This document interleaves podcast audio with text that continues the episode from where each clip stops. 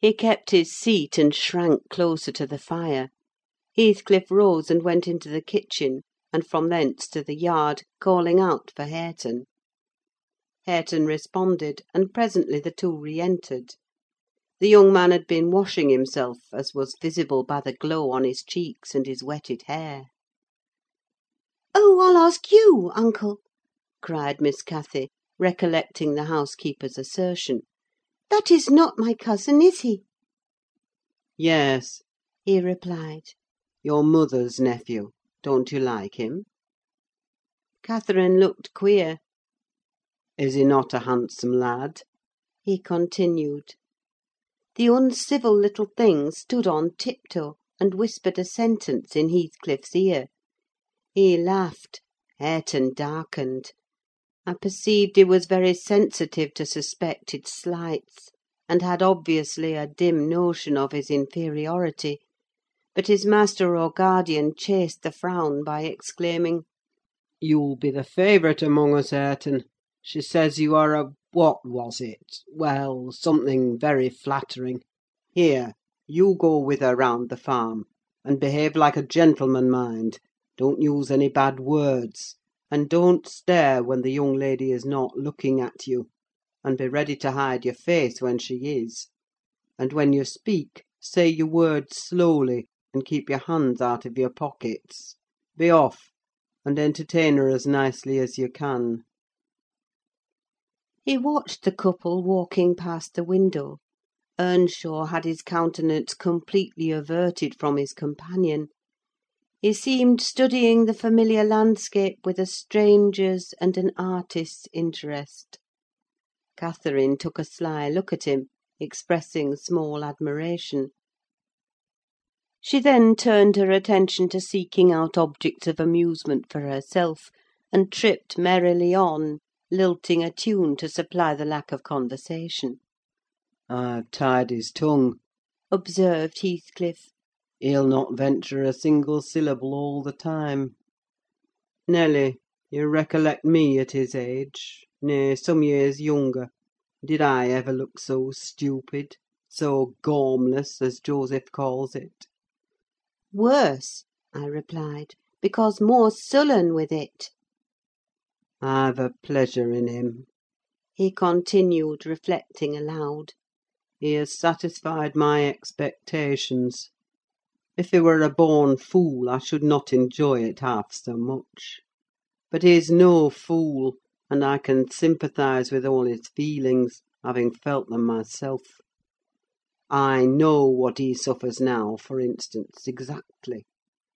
It is merely a beginning of what he shall suffer, though; and he'll never be able to emerge from his bathos of coarseness and ignorance. I've got him faster than his scoundrel of a father secured me, and lower; for he takes a pride in his brutishness. I've taught him to scorn everything extra animal as silly and weak. Don't you think Hindley would be proud of his son if he could see him? Almost as proud as I am of mine. But there's this difference: one is gold put to the use of paving stones, and the other is tin polished to ape a service of silver. Mine has nothing valuable about it; yet I shall have the merit of making it go as far as such poor stuff can go. His had first-rate qualities, and they are lost: rendered worse than unavailing. I have nothing to regret: he would have more than any but I are aware of. And the best of it is, Hareton is damnably fond of me. You'll own that I've outmatched Hindley there. If the dead villain could rise from his grave to abuse me for his offspring's wrongs, I should have the fun of seeing the said offspring fight him back again indignant that he should dare to rail at the one friend he has in the world. Heathcliff chuckled a fiendish laugh at the idea. I made no reply, because I saw that he expected none. Meantime our young companion, who sat too removed from us to hear what was said, began to evince symptoms of uneasiness, probably repenting that he had denied himself the treat of Catherine's society for fear of a little fatigue. His father remarked the restless glances wandering to the window, and the hand irresolutely extended towards his cap. "Get up, you idle boy!" he exclaimed, with assumed heartiness. "Away after them! They're just at the corner by the stand of hives." Linton gathered his energies and left the hearth. The lattice was open, and as he stepped out, I heard Cathy inquiring of her unsociable attendant what was that inscription over the door. Hareton stared up and scratched his head like a true clown.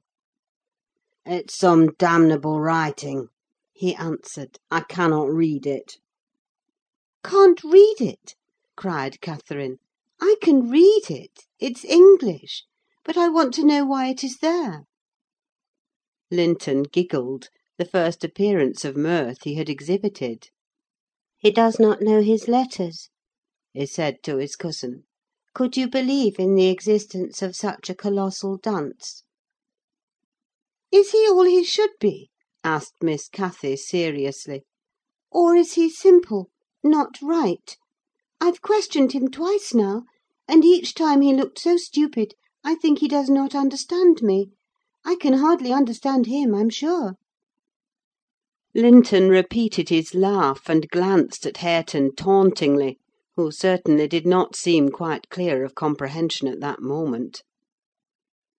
"There's nothing the matter but laziness, is there, Earnshaw?" he said.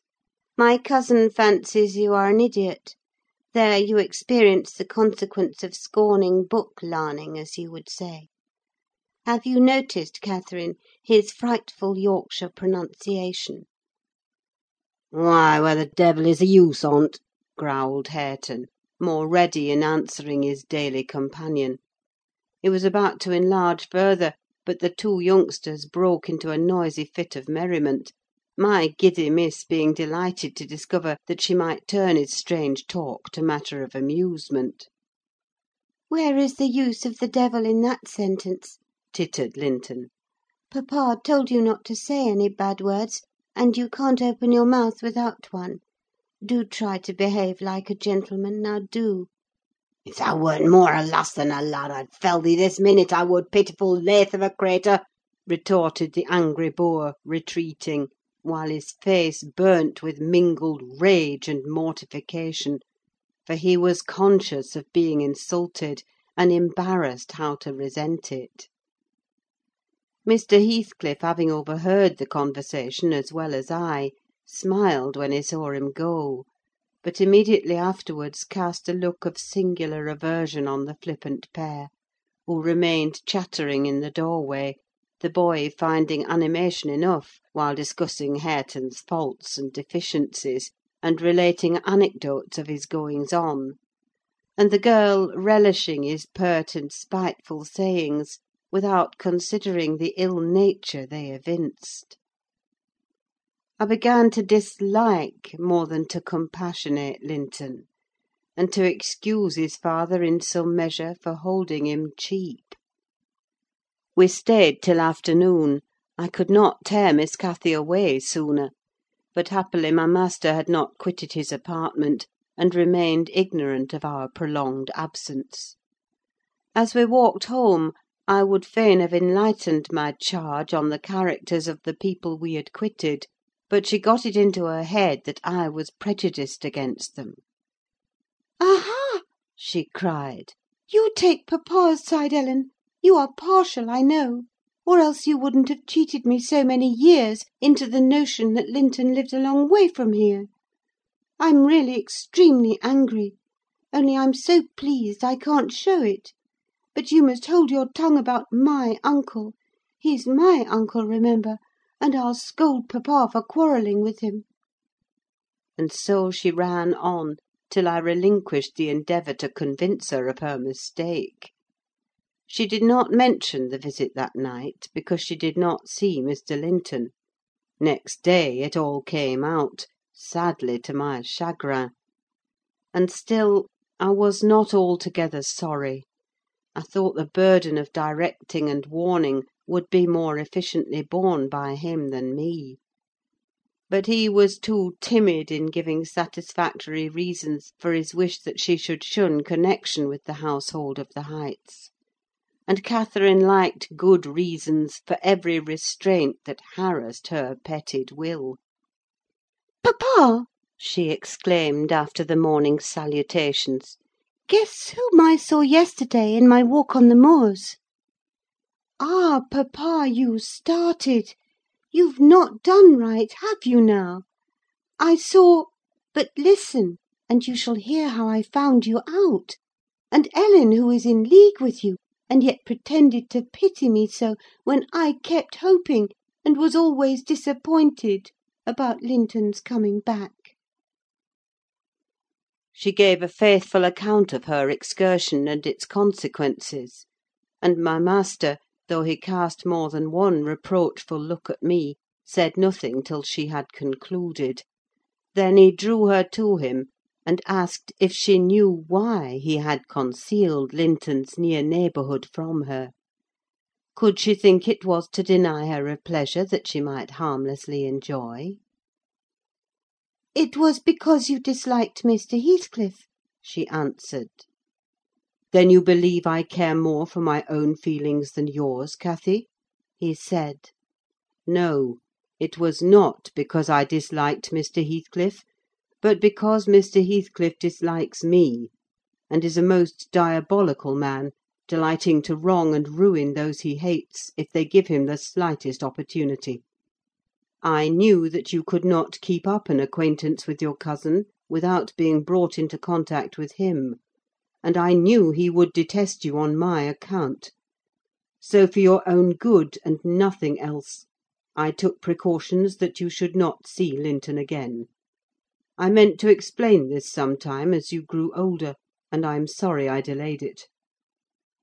"But Mr. Heathcliff was quite cordial, papa," observed Catherine, not at all convinced. "And he didn't object to our seeing each other. He said I might come to his house when I pleased, only I must not tell you, because you had quarrelled with him, and would not forgive him for marrying Aunt Isabella. And you won't: you are the one to be blamed. He is willing to let us be friends, at least, Linton and I, and you are not.